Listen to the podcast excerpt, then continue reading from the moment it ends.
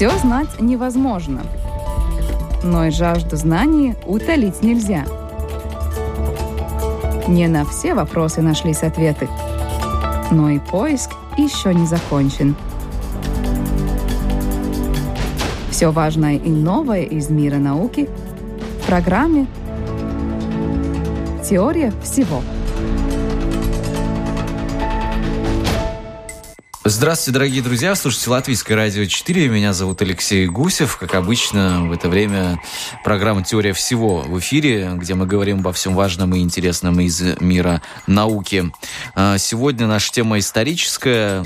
А, будем мы разбирать политическое и государственное устройство Римской Республики, прообразы всех наших современных демократий. Будем находить сходства и различия. И нам поможет в этом доктор исторических наук, профессор Латвийского университета университета и э, хороший знакомый программы «Теория всего» Харрис Туманс. Добрый день. Добрый день. Очень рад вас э, снова видеть.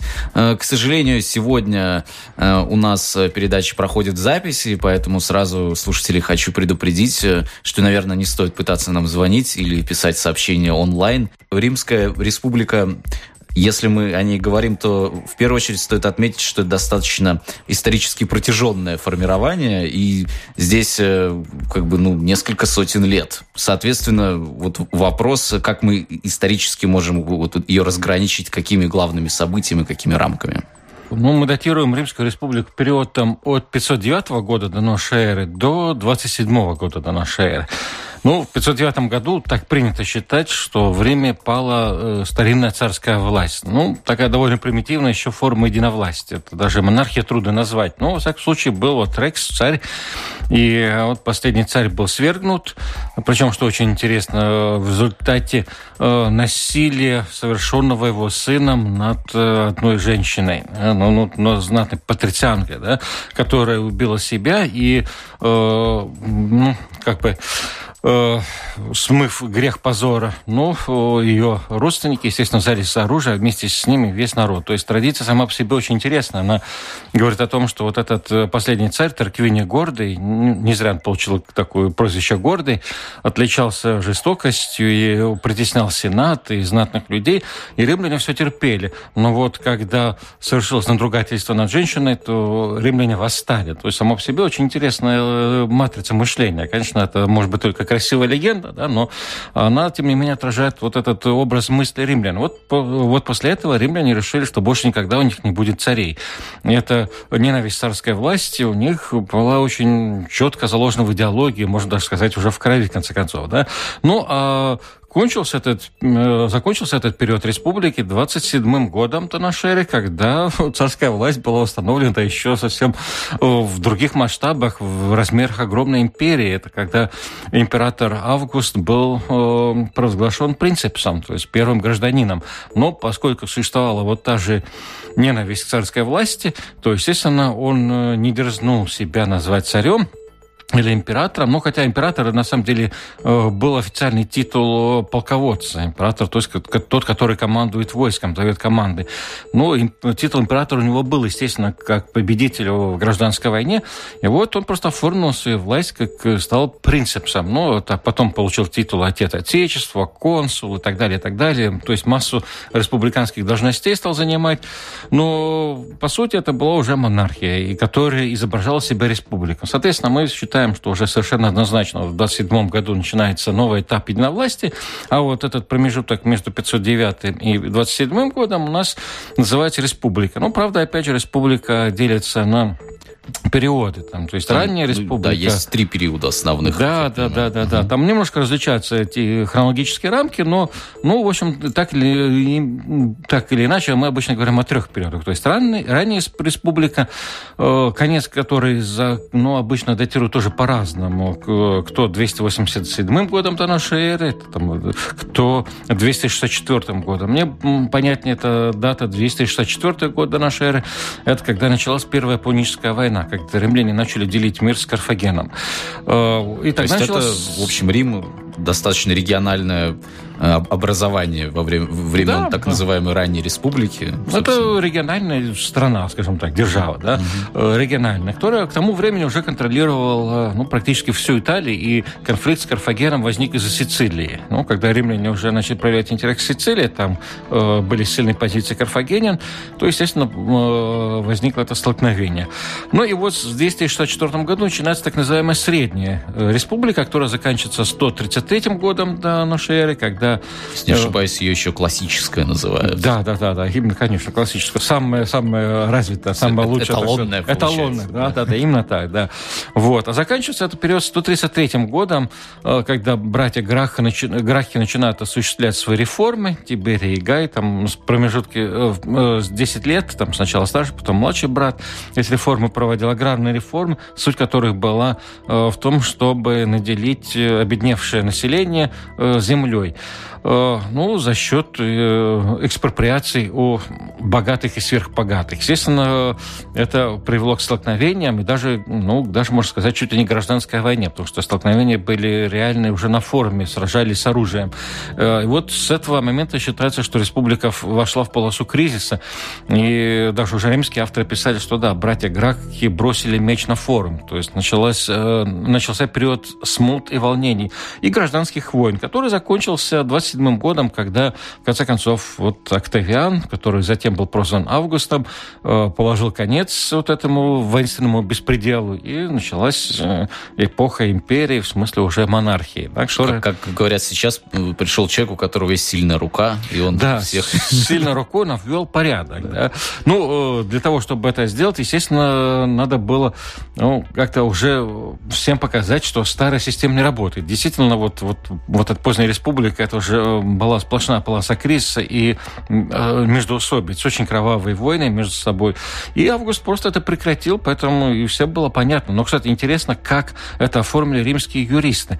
Э, в кодексе, в кодексе Юстиниана, это уже знаменитый кодекс э, римского права, там этот вопрос хорошо освещен. То есть юристы написали, что поскольку республика уже не могла достаточно хорошо справляться с управлением, и само течение обстоятельств складывалось таким образом, чтобы невозможно, э, что невозможно было э, привести к единообразию различные формы принятия решений, поскольку по-разному мы объясним сейчас, что это такое, да, то было решено э, выбрать принцип Сай, дать ему всю полноту власти. И дальше в другом месте, в тех же дигестах, э, дается гениальная, по-моему, формула, объясняющая единовластие, э, что э, народ специальным законом о власти принципса э, передал ему всю полноту своей власти. Ну, а что это значит? Это значит, что на самом деле это представительная демократия. Но все-таки э, Римская республика, какова была основная структура ее общества? Вот давайте это обозначим. А после этого тогда перейдем уже к институтам, которые этим обществом управляли. Ну, хорошо, начинаем с общества. Ну, к периоду республики общество ну, было, как всегда, э, расколото. Естественно, там были социальные группы э, богатых и бедных. Ну, в общих словах это выглядит так, и что... привилегированные Конечно, группы, да, более, да, так сказать, по, по крови наследующие свои ну, преимущества, ну, и те, да. кто, может быть, и богатые, но не такие гражданские Знаете, права да, обладали. Да, да. Знаете, это формула это советских времен. Рим – город контрастов, да? Вот примерно. Вот Древний Рим тоже был городом контрастов. То есть, итак, элиту составлял, э, составляли нобели, нобилитас. Э, то есть, это это сенаторская аристократия. Это крупные, очень крупные землевладельцы, которые в основном и составлялись э, сословия сенатора. Это, это, это высшая элита. Э, вторая категория, так называемые, так называемые всадники. Ну, всадники – это э, просто богатые люди – ну, вот э, когда-то они служили в кавалерии, но потом это уже стало необязательным. Кавалерии брали у союзников, но название осталось. То есть всадники – это просто богатые бизнесмены, как бы мы сказали. Там уже имущественный ценз, который менялся, то есть, соответственно, это богатые. Ну и третья категория – это вот, плебс, это простой народ. То есть э, вот э, а, обычные люди. То есть, ну, чисто мы видим по имущественному неравенству делилось общество. Проблема состояла вот в отношениях между этим нобилитетом и Э, всадниками, э, поскольку здесь мы наблюдаем коллизию, хорошо знакомую нам по европейской истории средних веков, и по Греции, и по Риму. В общем-то, это периодически повторяется, когда так называемая буржуазия, в кавычках, да, то есть вот эти денежные люди претендуют на власть. Э, старая аристократическая элита их смотрит на них с высока, даже третирует, поскольку это выскочки и жулики и воры, что, в общем-то, довольно близко к правде, да, если учитывать те средства, какими эти капиталы зарабатывались изначально, да, но естественно, что сами эти денежные люди на себя смотрели совсем по-другому, и чем больше денег, тем больше амбиций. Ну, просто естественно, что они в какой-то момент включились в борьбу за власть. И вот это две правящие группировки, которые э, уже в эпоху республики оспаривали власть друг у друга. Но, конечно, не сразу, это постепенно. Э, ну, в конце концов, все, конечно, смешалось. Вот это все богатые смешались. Э, патрицианские и плебейские богатые роды, они организовали вот высший слой элит, но тоже было уже гораздо позже. Вот. Ну, ну, кроме есть... того, наверное, не, пол, не полно будет, если мы не упомянем, что все-таки э, Древний Рим, он, там и рабовладение было, то есть еще другие слои общества есть. Ну, которые... да, рабовладение это вот, да, но это опять же, ведь очень все размыто у нас, mm-hmm. такой огромный промежуток времени. Изначально это было патриархальное рабовладение, которое, в общем-то, можно было бы даже не рассматривать, да, само по себе, поскольку оно играло незначительную роль. Э, рабы были слугами в домохозяйстве, которые помогали. Да? Но э, вот, вот в эту классическую Римскую республику, вот так называемый средний период, когда э, Рим втянулся в большие международные войны, когда Рим завоевал Италию, то, естественно, э, Рим получил много э, военнопленных, которые стали рабами. Тогда э, Рим же хлынули деньги, и ну, богатые люди, с, как, обладающие деньгами, стали скупать земли, и, естественно, возник вопрос, а кто будет эти земли обрабатывать? Э, естественно, денежная экономика, она, как всегда, как и мы это видим себя, она ведет к разорению средних и мелких хозяев, и они стали пролетариями, от слова «пролость» – потомки, то есть те, у кого ничего нет, кроме потомков, вот это просто вот люди без ничего, э, которые вот хлынули толпой в город и прибивали случайными заработками или разбоем каким-нибудь, или в армию шли. Вот их как-то надо было решать проблему, их надо было кормить, но они не рабочие, потому что если человек сохранял статус римского гражданина, свободного человека, то его использовать, э, его труд по найму было невозможно. То есть по римскому праву, по римским законам э, ну, это невозможно, э, потому что ну, обычно считалось, ну, в Риме была такая традиция, что главой семьи является отец, что все, что принадлежит сыну, принадлежит отцу. То есть отцу, представьте, может быть лет 80, а сыну, скажем, лет 60 э, или 50, но до сих пор сын юридически не свободный, не физическое лицо, как бы им сказали, потому что все, что он приобретает, приобретает для отца. И наоборот. Соответственно, и труд его никто не может использовать, потому что все, что он делает, пока жив отец, принадлежит его отцу. То есть вот такая вот э, система. И, соответственно, этот вопрос был решен за счет рабов. Да, вот военнопленные, вот, да, пожалуйста, все, это твоя собственность, и все, что он производит, принадлежит тебе. И тогда стали строить эти бараки, возникло классическое рабство, которого нигде, собственно говоря, не было больше в древности, как только время, вот с этого времени, когда вот э, стали использовать труд рабов. Тогда получается, что вот такие большие латифундии, очень богатые люди, и вот разорившиеся нищие, которые вот случайными заработками прибиваются. Ну, хорошо, армия могла их потом себя принять, когда дали им доступ в армии, вот одна модель. Еще надо упомянуть о таком, ну, такой общественной структуре, как деление на патронов и клиентов. Вот это точно такая типичная римская история. Э, изначально уже в царский период э, ну, существовало вот деление на патрициев и плебеев. Патриции обладали всеми правами, плебеев прав не было. Но вот еще в раннюю республику э, ну, происходило трение между ними, политические коллизии, борьба, в результате которой ну, где-то к 287 году нашей эры плебеи получили полные гражданские права и доступ к к земле государственной, и вот тогда и возникла эта структура трехчастная, о которой мы только что говорили. Да? А раньше это были гражданами только патриции. И уже тогда возникло вот это структура, деление на патронов и клиентов. Она как бы параллельно патрициям и клиентам, и она продолжала существовать и в тот период, когда уже ну, плебеи были полноправными гражданами. Да? А в чем суть? Э, суть э, в том, что еще Ромул, по легенде, придумал вот это деление, разделить общество на две такие группы, э, ну, такие условные, они неофициально даже не прописаны, но суть состояла в том, что патроны – это богатые граждане, которые помогают э, бедным, попавшим в нужду. То есть э, клиенты, те, кто, кстати, слово, наверное, происходит от слова клиент, слушать, да, э, повиноваться. Клиенты – это те, кто каким-то образом э, лишился наследства или лишился каких-то прав, э, лишился ну, средств к пропитанию и не мог существовать самостоятельно. Ну и тогда он искал себе патрона, такого благотворителя, который давал ему средства пропитания, но не в смысле, что он его кормил, а давал ему средства заработать, то есть землю, э, скажем там, или там э, какой-нибудь скот или мастерскую.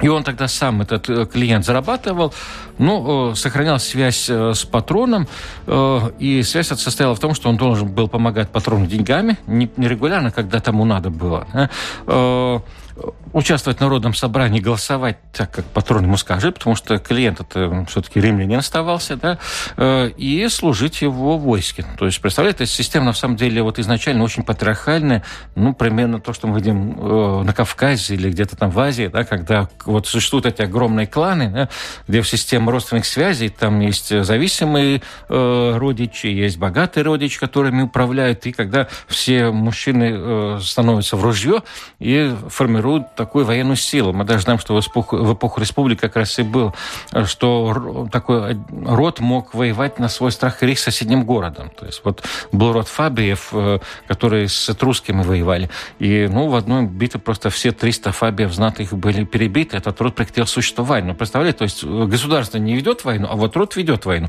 И вот почему я это говорю. Вот это, чтобы понять устройство Римской республики, нам надо вот понимать вот эту структуру э, римского общества и семьи. Так Э, еще раз повторяю, что общество держится на семье и на власти отца. Вот э, глава семьи именовался патер фамилия. То есть это глава семьи, который обладал абсолютным правом на всех членов семьи. То есть жена, э, ну, нормальная жена, считалась, нормально это по нормальному обычаю ставшая женой. То есть там было несколько способов заключения брака, сейчас это опускаем. Так вот, классическая формула состоит в том, что жена становится собственностью мужа, и юридически она как бы сестра своим детям потому что ее дети и она сама в собственности мужа, который может делать с ними все, даже убить или продать. Ну, естественно, э, такие, если и случалось, то очень редко. Во всяком случае, источники о таких случаях не сообщают. Но уже позднее, там, позднюю республику, да, уже мы знаем, что если там муж э, застает жену с любовником, имел право убить обоих, прямо на месте. Но при этом нужны были свидетели. То есть надо еще успеть за соседом сбегать. Да? За понятыми. Да, да, да. Так вот, э, и, значит, власть. И плюс, значит, это дети, родственники и клиенты. Клиенты, повторяю, это облагодетельственные, те, которым ты дал средства к существованию. И вот представляет вот такой сильный клан, род, он имеет свои какие-то экономические, политические интересы, например, приватизировать там какой-нибудь, какой-нибудь там порт, там, Рижский порт, Венспилский, что-нибудь такое, сейчас для смеха да, говорю. Мы, конечно, имеем мощную да. группу интересов. И, и... и вот приходят на собрание с этими клиентами, которые голосуют как надо. То есть, понимаете, вот, э, вот, вот это основа демократии. Э, вот римская демократия, конечно, слово мы вообще только в кавычках можем употреблять, да, потому что никакой демократии нет, а на самом деле это аристократическая республика, э, власть, которая держит эти кланы. И, и чтобы еще ну, было понятно... есть, конечно, да, есть эти кланы с своими интересами, но есть некая общая судебная система, вот есть сейчас, да, да, состязательные да. процессы. Ну, в каком-то смысле, конечно, не в таком, как у нас да. тоже, но вот, да, да, да, сейчас мы к этому перейдем, но я бы хотел закончить, чтобы э, слушатели поняли вообще вот эту структуру, вот эта патриархальная, значит, семейно-родовая структура, да, то есть родственник, власть отца и клиенты, вот это, э, и система кланов. И республика, собственно говоря, это э, политическое пространство, на котором кланы договаривались, организовали, организовывали вот общее существование. То есть в этом смысле смысл республики. То есть, на самом деле, вот все состоит из этих кланов, которые договариваются. И вот они-то придумали эти правила игры, вот эту судебную систему, вот политические процедуры. Это все они придумали, чтобы решать споры, ну, не хватая за оружие каждый раз, как это вот в горах раньше было, да, чуть что там за, за схватил кинжал, убил и, по, и пошло, да. А нет, чтобы политически договариваться. Это система кланов. И, кстати, это открыли в конце 19 века европейские ученые, Причем интересно, один из первооткрывателей Матиас Гелцер, который из Базеля происходит. В Базеле такая же клановая структура вот этого городского совета существовала из поколения в поколение. Там вот, вот нобилитет тоже был вот, очень похож на Римскую республику. Ну, так, торговая республика была Базель. Там вот эта система э, существовала. И вот э, Гельцер просто занялся римской историей. Он вдруг увидел то же самое в Риме. И он начал составлять вот это просопографические исследования. То есть по, по лицам. Потом это продолжено было. У нас теперь колоссальная традиция, все изучено. И в результате ученые что обнаружили? Что на протяжении столетий, вот этих столетий республики, одни и те же имена, одни и те же кланы, одни и те же представители кланов, причем их по родовым именам мы можем знать, поскольку у римлян была очень скудная фантазия. Народ э, цивилизационный, не культурный, свою культуру с большой буквы не создали. У них даже фантазии на имена не хватало. Да? То есть несколько имен, и, э, а дальше уже фантазия кончается, дают э, числительные. Вот, например, брат Гнея Помпея Секст Помпей. Да? Секст это шестой. Да, мог быть пятый, четвертый. Также вот Терция, третья, четвертая дочь. Вот просто числительные. Кстати, название месяцев у нас тоже числительные. Да? Вот сентябрь, октябрь, седьмой, шестой, восьмой месяц. То есть, представьте, у них не было фантазии на детей. Соответственно, э, имен было немного, и причем еще каждый род имел свою традицию давать определенные мужские и женские имена. И, ну, естественно, потом и родовое имя всегда сообщалось. Так вот, ученые обнаружили, что оказывается, что полководцы, консулы, преторы, начальники все время представители одних и тех же кланов. То есть Римская республика – это власть кланов, которые договариваются. Но возвращаясь к системе вот, это, вот, вот, вот этой власти отца, это, таким образом э, патрон, семья, дети, родственники клиенты, которые все с ним связаны и зависят от него, но это же мафия.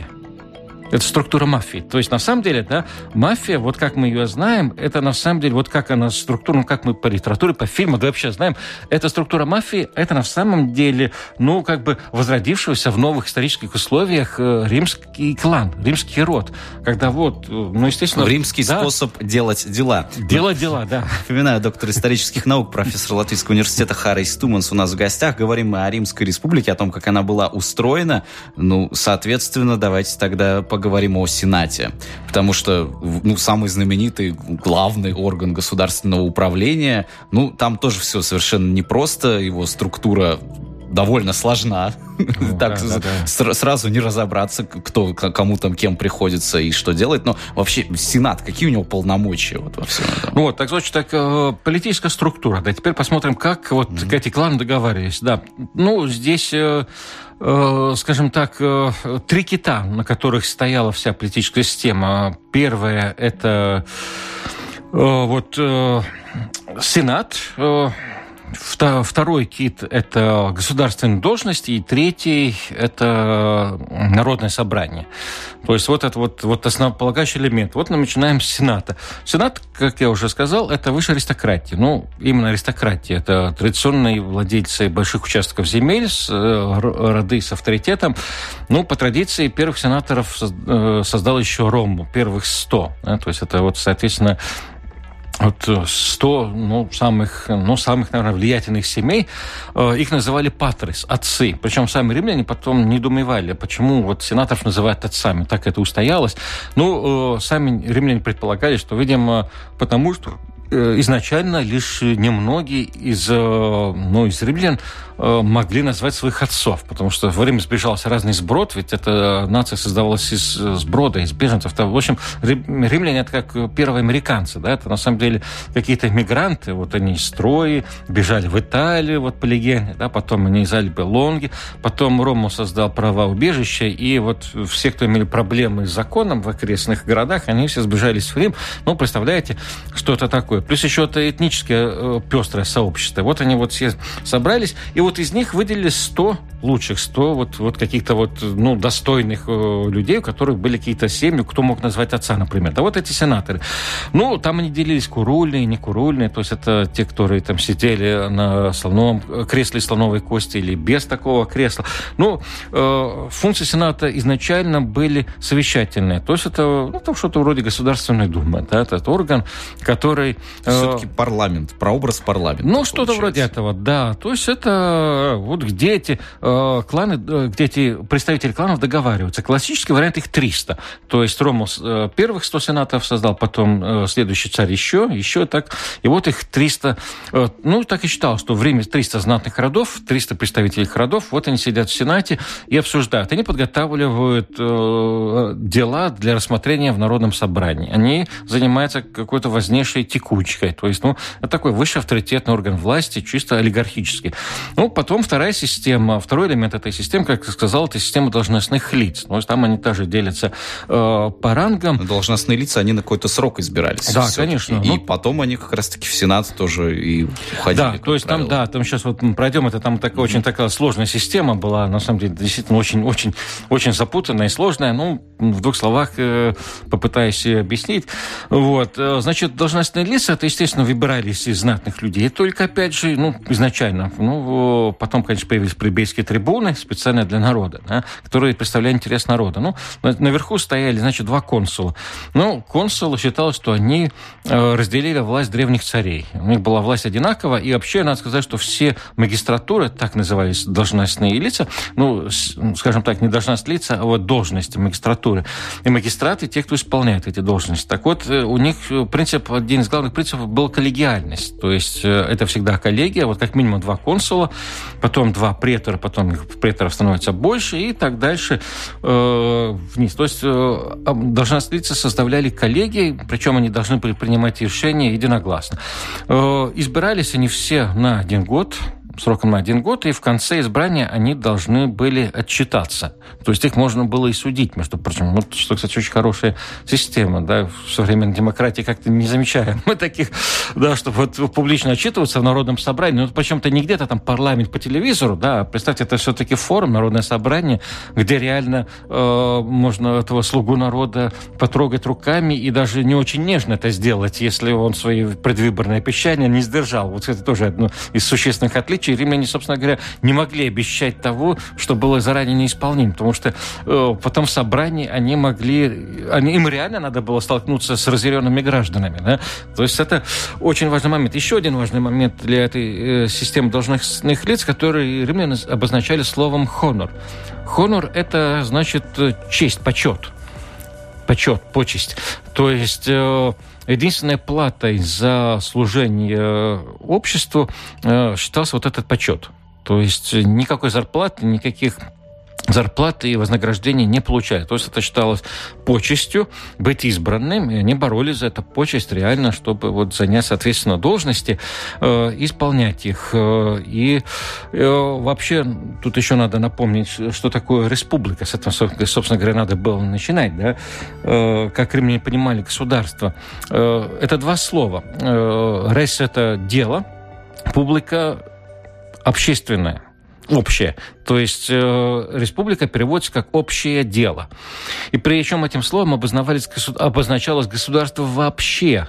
Если мы сегодня по словам республика понимаем государственный строй конкретный, где существует система выборов, да, то римляне, вот любое государство могли назвать республикой. У них было два слова. Цивитас, это как э, община, и республика. Общее дело, в котором все должны принимать участие. То есть граждане э, простые принимают участие в народном собрании, голосуют, э, выдающиеся граждане занимают должности, наиболее выдающиеся потом попадают в Сенат. И как вот вы уже упомянули, да, была система прохождения должностей, должностей с низших до высших.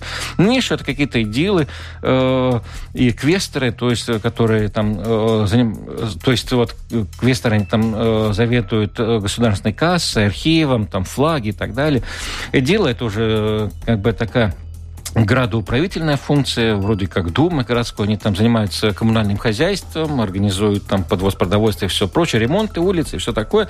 А ну, потом уже начинается там военный трибун и прочие должности, потом претор, и уже после претора консул. А и, соответственно, сенатором мог стать только тот, который э, прошел вот через все эти ступени и был консулом. Но начинать карьеру надо было вообще с армии. Начнем с того, что вообще-то, прежде чем заниматься политикой, римлянин должен был послужить в войске. Иметь э, опыт э, участия в военных кампаниях. Э, и не просто в качестве рядового желательно, потом, ну, естественно, аристократы становились офицерами, ну, в нашем понимании офицерами, да, но в любом случае надо было проходить военную карьеру, потом только политическую. Вот такая сложная система попадания в Сенат. И вот, вот эта система должностей, она обслуживала текущие потребности государства. И каждый год были новые выборы.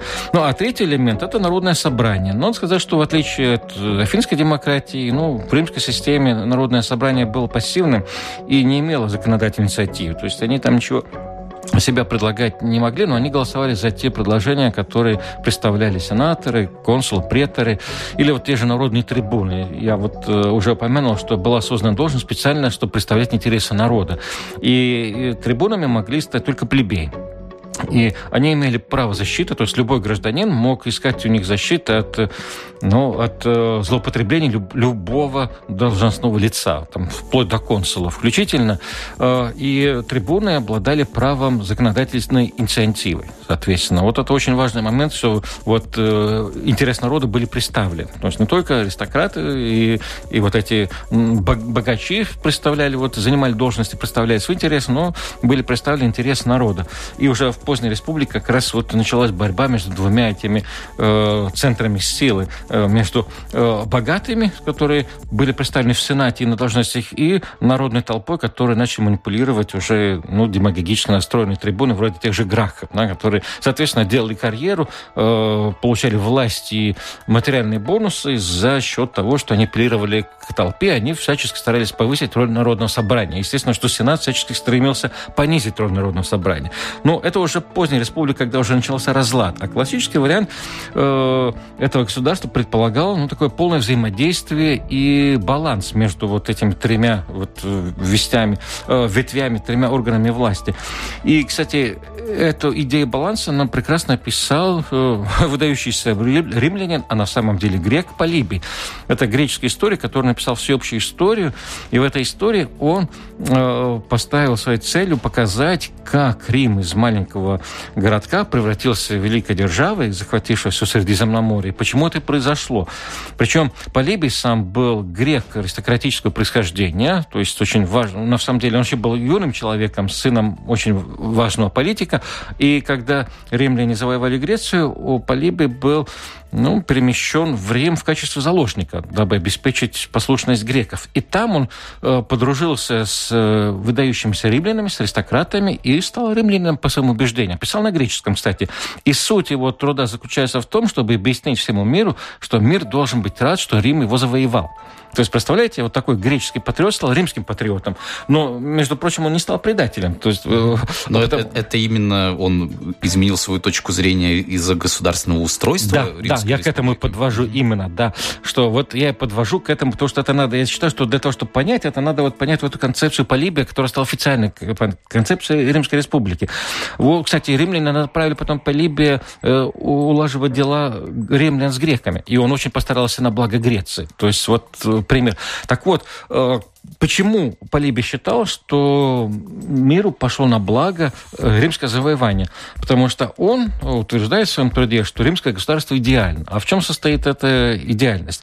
Э, за основу Полиби берет теорию Аристотеля. Аристотель выделил э, шесть форм государственного управления. Три хорошие, три плохие. Хорошие – это для него монархия, аристократия и политея. Ну, политея, скажем так, это идеальная форма демократии, в которой осуществляется власть большинства в интересах большинства.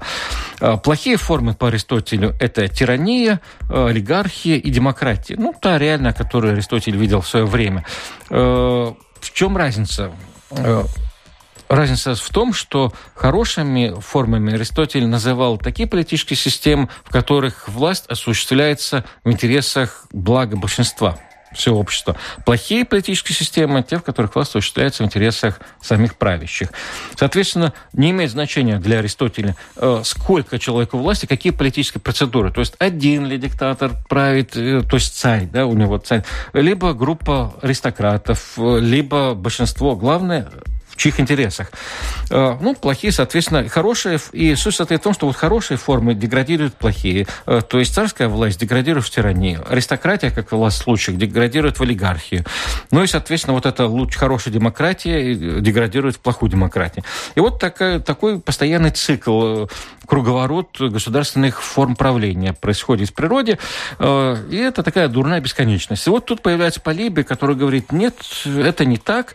Э, вот смотрите, есть одно государство, которое преодолело вот, э, вот, вот этот дурной круговорот, эту дур, дурную бесконечность, это Рим. Потому что, смотрите, говорит Полибий, все три хорошие формы власти в Риме присутствуют. В царской власти соответствует власть консулов. Она действительно почти монархическая. То есть консулы, они э, командовали войсками, они принимали стратегические решения, ну и так далее, и так далее. То есть, вот смотрите, это царская власть. Сенат это вам республика, власть аристократии, это власть лучших.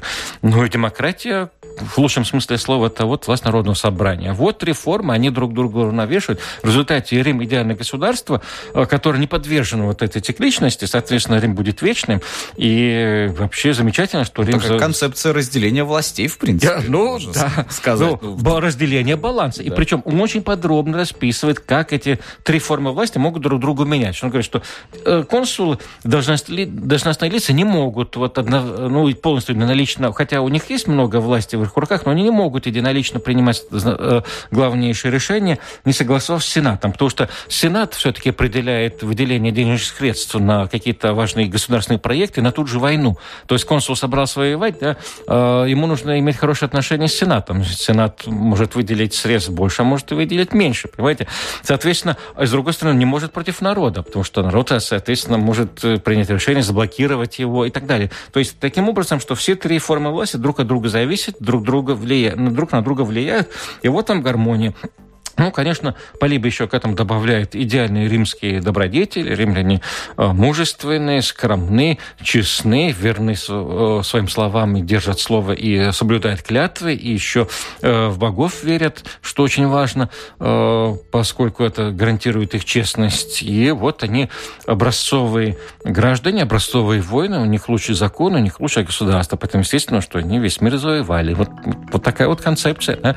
Вот вам идеальный образ Римской Республики ж, да, тем не менее, временем э, эта концепция оказалась несколько опровергнута, скажем так. Все-таки из какого-то, да, вот этого дурного круга не вырвалось. Может быть, они просто продлили этот круг. Но, Тем не менее, да, очень любопытно. К сожалению, у нас уже не так много времени остается, поэтому, наверное, нам только остается, может быть, задуматься о том, а сегодня, э, потому что у нас все вокруг действительно почти все страны называются республиками.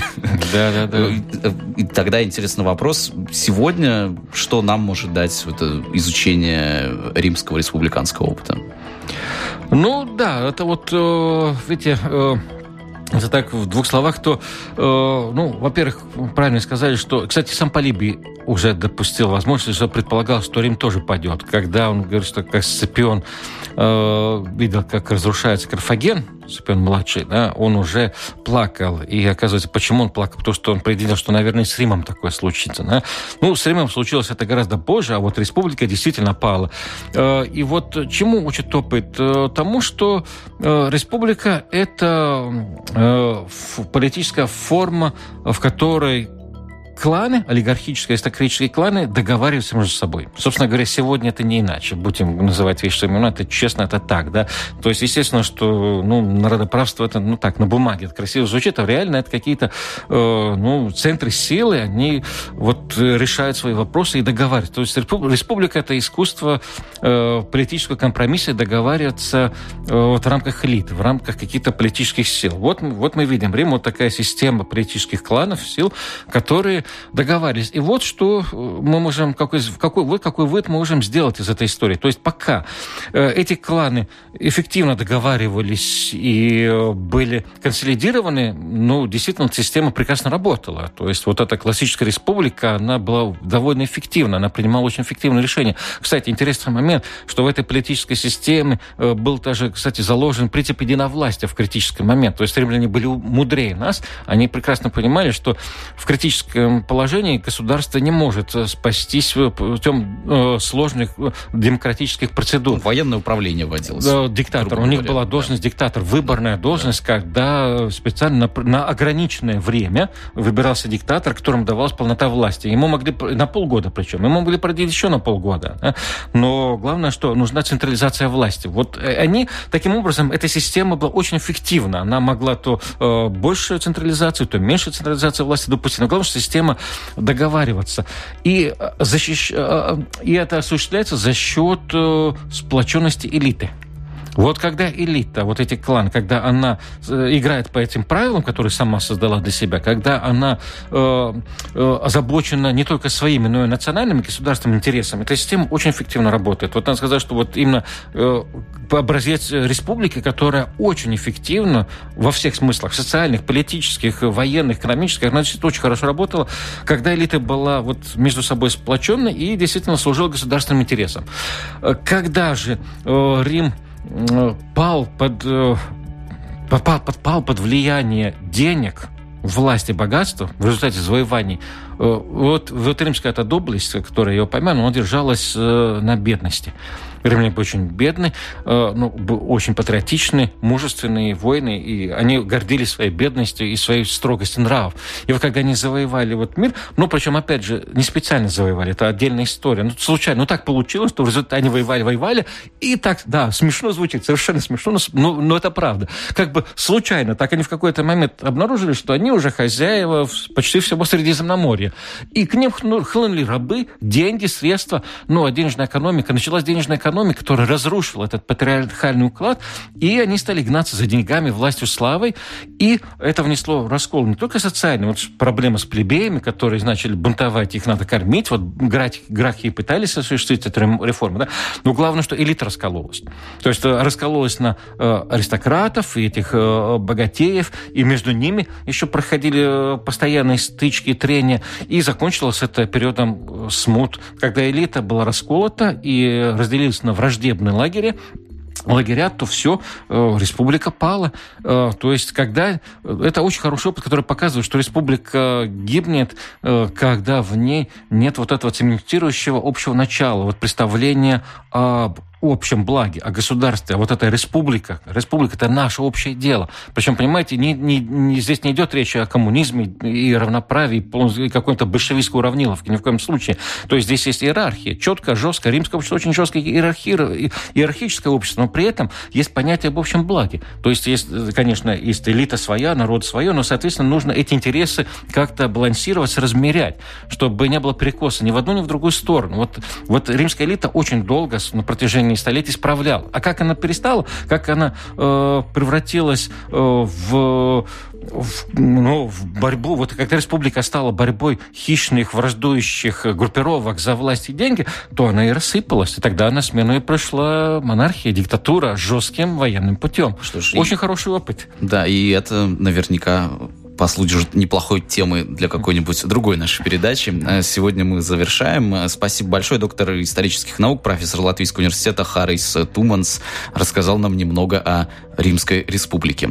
Программа «Теория всего» прощается с вами на неделю. Всего доброго. Меня зовут Алексей Гусев. До встречи.